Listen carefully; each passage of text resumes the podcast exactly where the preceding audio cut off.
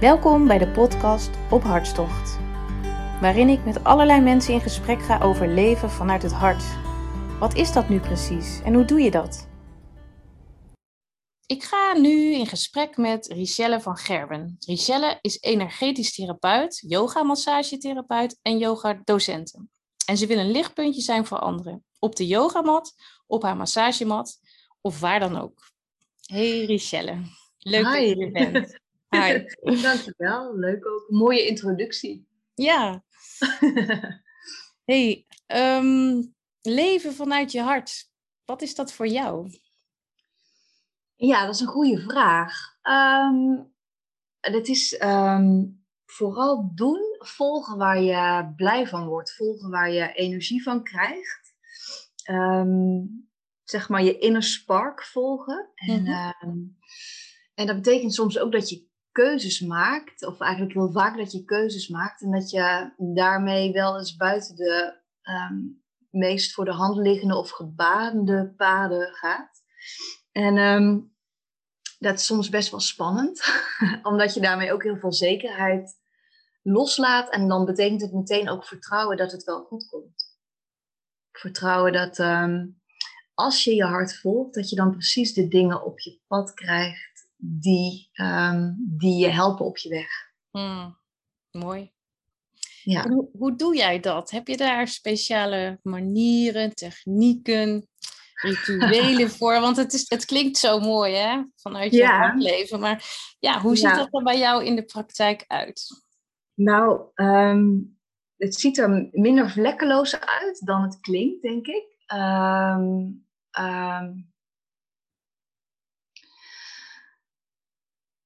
ik denk, uh, er zijn momenten natuurlijk wanneer je, um, wanneer je in een situatie, als ik gewoon met een voorbeeld, hè, als, ik, als ik een voorbeeld zou mogen noemen, ik heb wel eens mhm. gehad dat ik in een baan zat of in een uh, relatie was, waarvan ik op een bepaald moment voelde van, ik voel dat ik daar niet meer blij van word of zo. Ik voel dat ik daar um, uh, dat mijn energie kwijtraak of dat ik uh, een beetje vastzit of zo.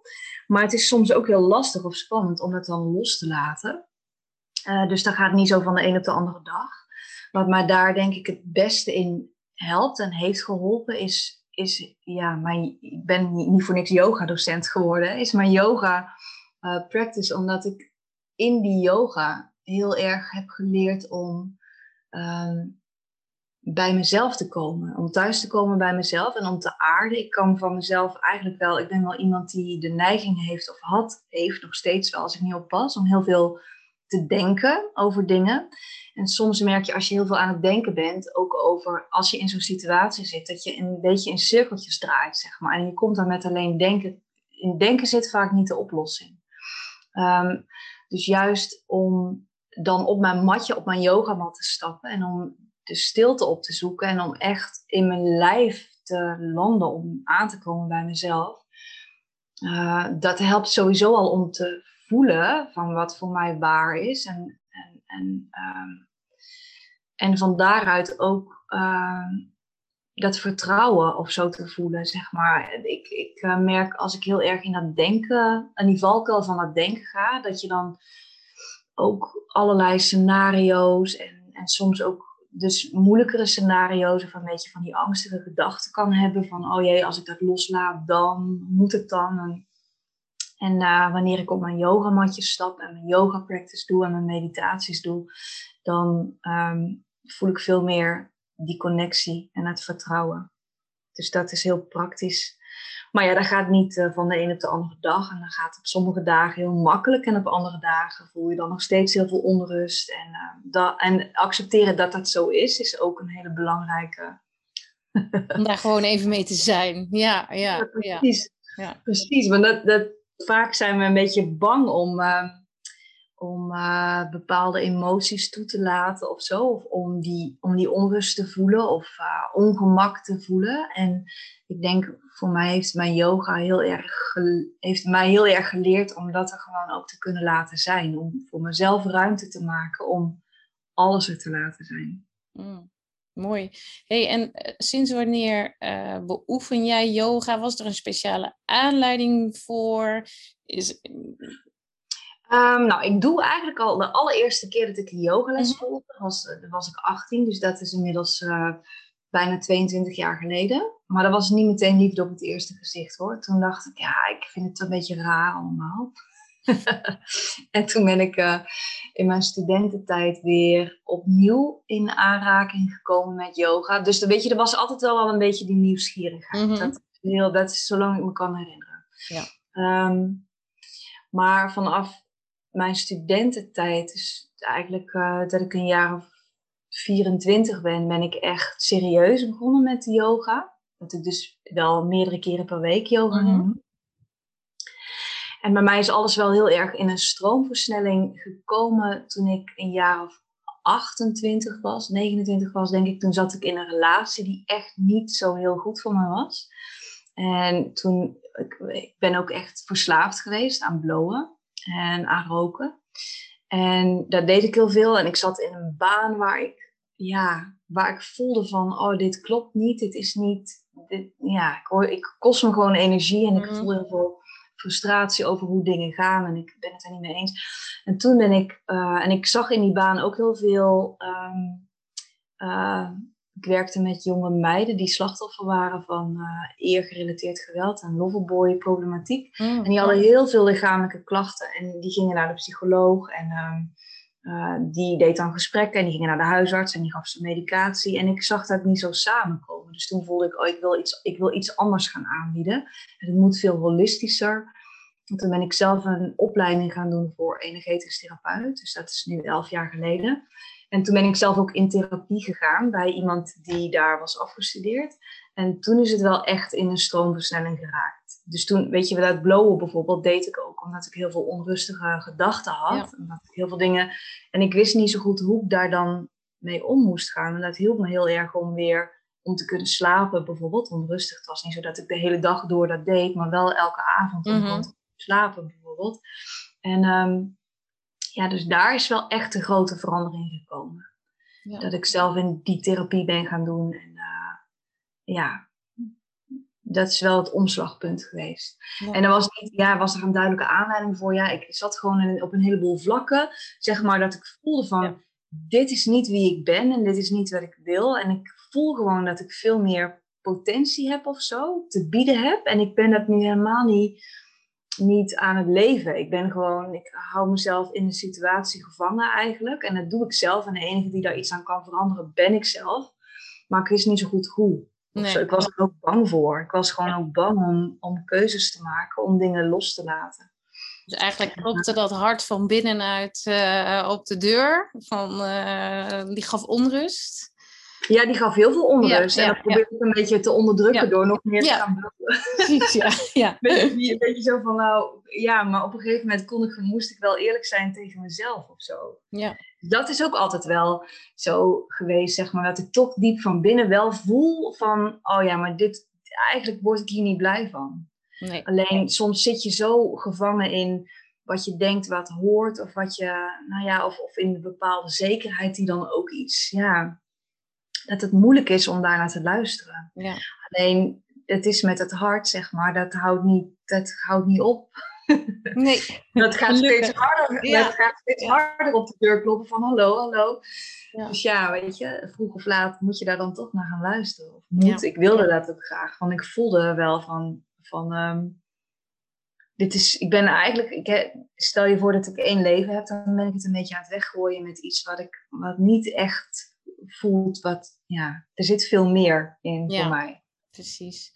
En nu ehm, eh, is voor jou, hoor ik zo terug, vooral dus ook een leidraad. Dan weet je van, ah, dit klopt en dit eh, komt vanuit mijn hart en niet vanuit mijn hoofd. Als je er blij van wordt, daar begon je mee, hè? Ja, als ik, ja, dat is wel als ik er energie van krijg. Energie, ja, precies. Ja, Ja. Ik ehm, en het wordt natuurlijk naarmate je jezelf beter leert kennen. Dus naarmate je vaker op dat matje stapt en naarmate je meer de stilte opzoekt in jezelf, voel je ook makkelijker van wat dan, wat dan, wat, jou, wat jouw basisenergie of zo is. Ja. Ehm, En ik kan me voorstellen als je daar net mee begint, dat het, dat het ook lastig is om dat uh, te voelen. Of dat je nog een beetje van wat voel ik nou en wat denk ik nou. En dat, dat onderscheid maken is misschien niet altijd makkelijk. Maar hoe vaker je dat doet, hoe meer je gewend raakt aan je eigen energie. En hoe beter je dus ook kan voelen van... Of het klopt. Je wordt moe van... Ja, ja je wordt, bijvoorbeeld ik had het in mijn, in mijn werk. Ik, ik had in mijn oude baan, ik kom uit de reguliere hulpverlening dus er zaten heel veel leuke dingen in, maar ik voelde wel ook vaak aan het einde van de dag dat ik moe was en dat ik geen zin had om nog andere mensen te zien of om nog dingen te doen. Dat ik behoefte had om een manier te vinden om te ontspannen, zeg maar.